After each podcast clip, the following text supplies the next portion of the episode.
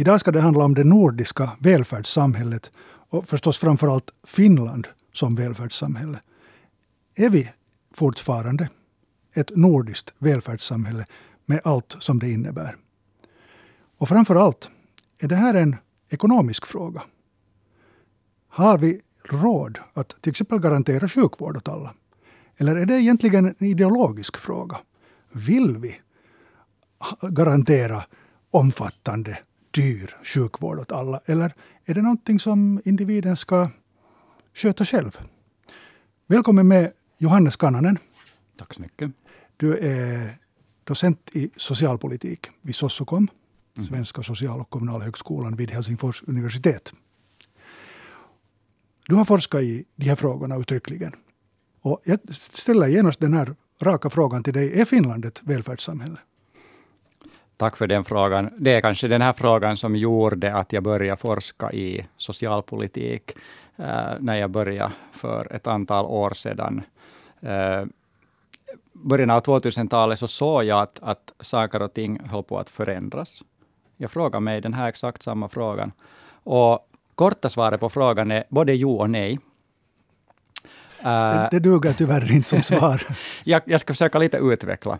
Uh, alltså varför jo? Kanske i någon slags trivial bemärkelse. Välfärdsstat, alltså att vi försöker trygga uh, en, en minimiutkomst åt alla medborgare, minimi, miniminivå av service, sjukvård, uh, utbildning. På det sättet är vi kanske en välfärdsstat och vi geografiskt ligger vi i Norden, så kanske så där trivialt tänkt så är vi en nordisk välfärdsstat. Men ifall vi gräver lite under ytan här, ifall vi tänker att den nordiska välfärdsstaten är en idé, som jag tror att de flesta skulle förknippa då med till exempel omfördelning av resurser, ganska omfattande statlig produktion av välfärd, någon slags solidaritet, jämlikhet, socialdemokrati till exempel. Kan du vara lite mer konkret, förlåt att jag avbryter, när du säger omfördelning av resurser? Då menar du till exempel arbetslöshetsunderstöd? Exakt. En sån här... De rika betalar för de som inte har jobb. Exakt, en sån Robin Hood-politik. Ja. Staten tar från de rika och ger åt de fattiga. Med hjälp av beskattningen, progressiv beskattning. Ju mer du förtjänar, desto mer betalar du skatt i förhållande. Och sen också sociala förmåner. Ifall du hamnar i, i, i knipa i ditt liv, ifall risker realiseras, då är du berättigad till understöd. Uh, och det här uh, systemet byggdes då upp efter andra världskriget under de här årtionden.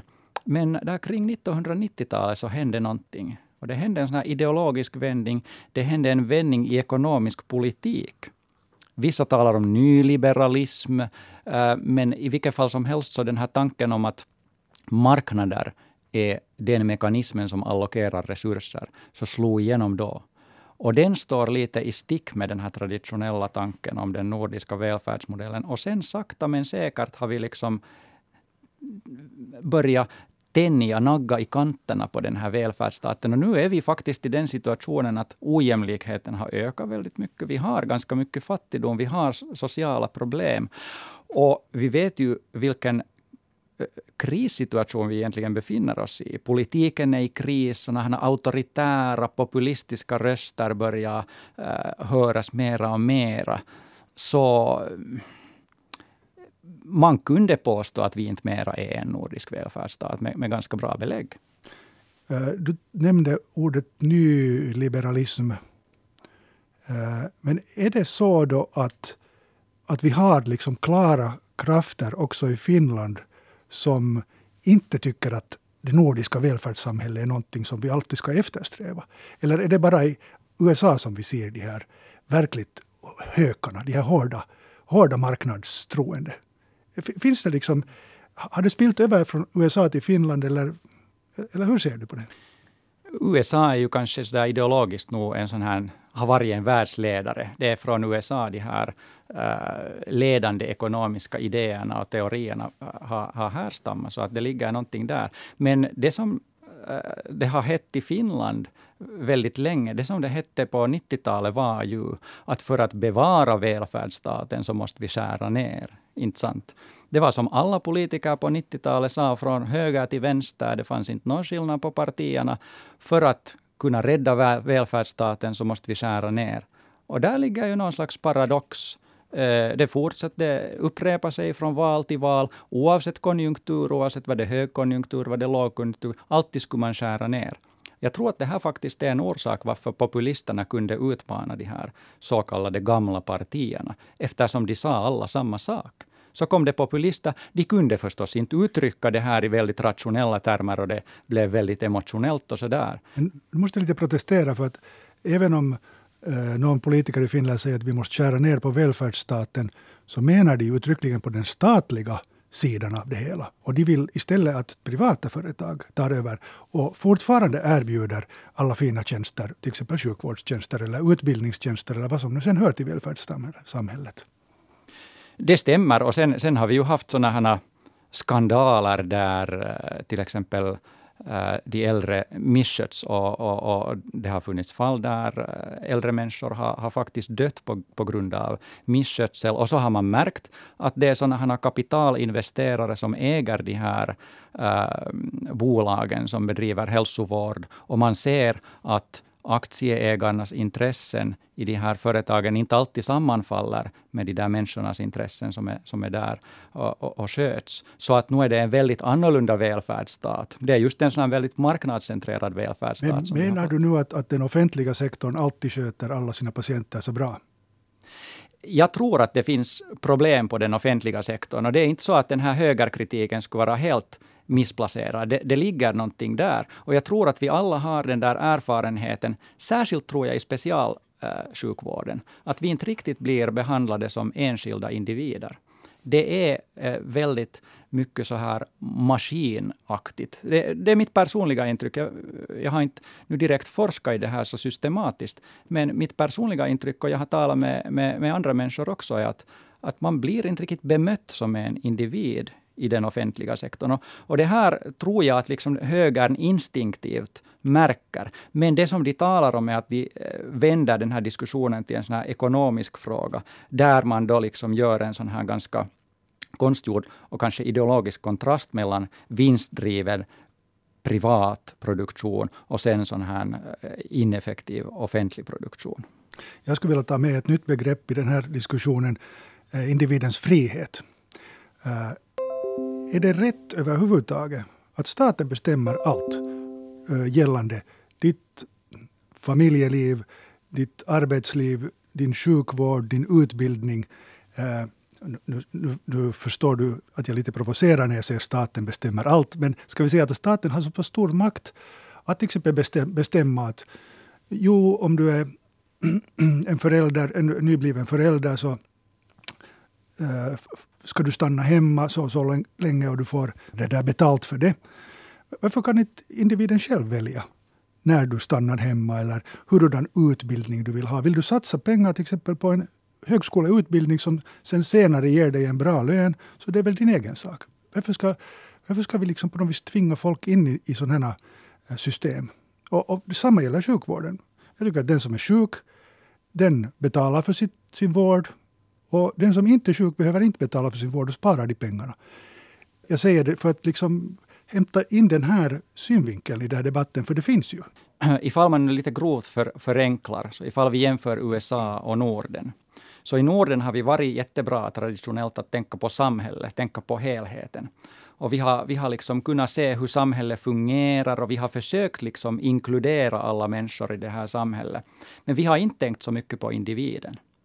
Och det blev kanske någon gång just då på 90-talet när vi hade den här krisen av välfärdsstaten, eller hur man nu vill kalla det, så blev det kanske på något sätt dags att tänka på individen. Men jag tror att vi inte riktigt lyckades då greppa den här frågan. Och det blev den individen som man började tänka på, som var en sån rationell homo economicus som eh, gör såna här nyttokalkyler och, och, och, är väldigt så egoistisk. Det var den individen vi fick. Till exempel, du, du köper en försäkring för att du sen kan utnyttja den när barnen blir sjuka. Ja, till exempel. Eller sen helt enkelt att uh, du liksom prefererar en, en glass mot en banan eller så här. Liksom att, att, så här, liksom att man, en sån ganska förenklad bild av människan. Uh, de flesta av oss vet ju att människan är mycket mer komplicerad än så. Men, men vi har på något sätt uh, utgått ifrån den tanken när vi försöker då liksom styra, när du beskrev kanske att staten försöker liksom göra de här valen istället för, så staten försöker liksom fös, fösa den här rationella individen åt olika håll. Och då får vi den där känslan att det är staten som bestämmer istället för oss. Men däremot i USA så har man traditionellt varit ganska bra på att tänka på individen. De har haft en tydlig bild av vad individens rättigheter, möjligheter och kapacitet och friheter och så där vidare. Men de har kanske inte varit så uh, skarpa på att tänka på det här samhället. Så nu, ifall vi skulle liksom kunna kombinera de bästa av de här två världarna, så skulle vi ju ha en, en väldigt upplyst syn om samhället. Men så skulle vi också förstå att, jo, att individen är självständig, den kan ta ansvar för sitt eget äh, beteende, den kan ha målsättningar i livet som äh, den vill förverkliga. Och vi, vi skulle liksom göra så att de här strukturerna stöder den här individen på bästa möjliga sätt, så att den har största möjliga frihet. Passar det in på det nordiska välfärdssamhället? Det skulle då kanske vara en sån uppdaterad version, Nordiska välfärdssamhället 2.0, som erkänner den här eh, fria individen som är mycket mer komplex än bara sån här rationell och nyttomaximerande egoistisk individ. Under den senaste tiden har vi i Finland diskuterat sjukvården väldigt mycket. Hälsovården ska man väl egentligen säga. Och eh, det har funnits verkligen radikala, stora planer på att privatisera eh, stora delar Eh, ja, faktiskt nästan allt eh, av, av hälsovården. Och delvis har det ju också genomförts. Jag menar, på, på olika håll i Finland så har vi privata läkarbolag som, som sköter kommunens eller stadens hälsovård. Är det här alltså då, ryms det här med i din definition av nordiska välfärdssamhället? Vi har ju traditionellt haft nog en sån här arbetsfördelning mellan privata sektorn, tredje sektorn och, och staten. Så att det är kanske inte något liksom i sig revolutionerande. Men det som jag tycker att är problematiskt i den här utvecklingen, utvecklingen är för det första det att man på något sätt av ideologiska skäl överför statlig produktion till privata sektorn, men inte vilken privat sektor som helst, utan eh, uttryckligen den vinstdrivna privata sektorn. Det vill säga där var målsättningen med serviceproduktionen inte i första hand är att få människor att må bättre, utan att få kapitalinvesterares liksom placeringar att växa. Och där har vi då en konflikt mellan kapitalplacerarnas intressen och, och människornas intressen som vill få den bästa möjliga vården. Och, och vi har ju sett, tycker jag redan, att det här inte går ihop. Eh, då när det, det ska göras beslut och, och, då när det ska effektiveras på den privata sektorn, så är det tyvärr så att kvaliteten av servicen blir att lida. för att återkoppla till första frågan. Har vi ett välfärdssamhälle fortfarande i Finland? Du som har forskat i det här och uh, egentligen redan för länge sedan kommit, kommit till att det håller på att lite rämna i kanterna, kan man säga så? Ja. Så hur ser du de kommande åren? Jag vet inte vad jag ska ta för tidsperspektiv, för det är så svårt nu för tiden. Men, men ska vi säga nu medellångt tidsperspektiv. Vad, vad kommer att hända nu? Jag tycker vi lever väldigt, väldigt spännande tider just nu. I och med att vi befinner oss i en sån här krissituation. Du var inne på den här covid-19-krisen och, och hur, det, hur det på ett sätt kan också beskrivas som hälsovårdens kris. Inte sant? Och jag tror att den här krisen nu utmanar våra tidigare tänkesätt. Just det här som har vittrat välfärdsstaten i kanterna, det vill säga nyliberalismen, eller vad man ska kalla det, nyklassisk ekonomisk teori, privatisering, marknadstänk. Jag tror allt det här utmanas nu för tillfället. Och sen när vi en gång kommer att komma ut ur den här krisen, så tror jag att vi kommer att märka att vi inte kan fortsätta med de här gamla idéerna. Vi har ju nu redan stimulera ekonomin väldigt, väldigt starkt. Och där kan man också fråga sig, varför har vi inte satt de där pengarna i, i sjukvården då? Ifall det är sjukvårdens kapacitet som vi är oroade över, så kunde man ju räkna liksom ett plus ett och, och, och se att vi har en massa stimulanspengar. Varför sätter vi inte då på mera personal, mera sängar dit, eller vad det nu är som behövs där? Men jag tror att vi kommer efter den här krisen att inse att det är inte, att, det är inte ett måste att skära ner. Statsskulden till exempel är inte någonting som nödvändigtvis är problematiskt i sig. Ja, det, det är ju en stor fråga eftersom vi har tagit stora lån. Eh, inte så stora som vi trodde i början av krisen, men i varje fall stora lån för staten Finland för att finansiera det som har behövts finansieras för att hålla samhället på fötter. Och det var lite därför jag också ställde den här frågan. Jag tänkte att är det nu på det sättet att, att vi när krisen är slut inser att nu har vi enorma skulder och nu måste vi börja skära ner? Det har ju kommit sådana här röster här nu på senaste tiden. Men jag tror att vi, vi är i den situationen där vi börjar inse att statsbudgetering, statsekonomi inte fungerar på samma sätt som en privat hushållsekonomi du och jag, så, så vi kan inte leva över våra tillgångar. Ifall jag eh, konsumerar eller spenderar mera under en månad innan, eh, än, än vad jag tjänar in, så då blir jag liksom överskuldsatt. Men staten fungerar inte på samma sätt. Jag menar, vi kan ju inse att staten liksom inte på samma sätt har en begränsad livslängd som individen. Staten, staten liksom lever eh, så länge som vi bestämmer att den lever. Så den har liksom oändligt med tid att betala tillbaka de här skulderna. Och en annan eh, egenskap med statsekonomin, offentlig ekonomi och nationalekonomi är att den växer hela tiden.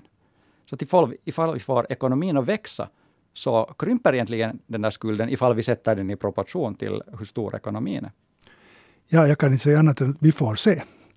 Tack Johannes Kananen. Fint att du var med idag. Tack så mycket.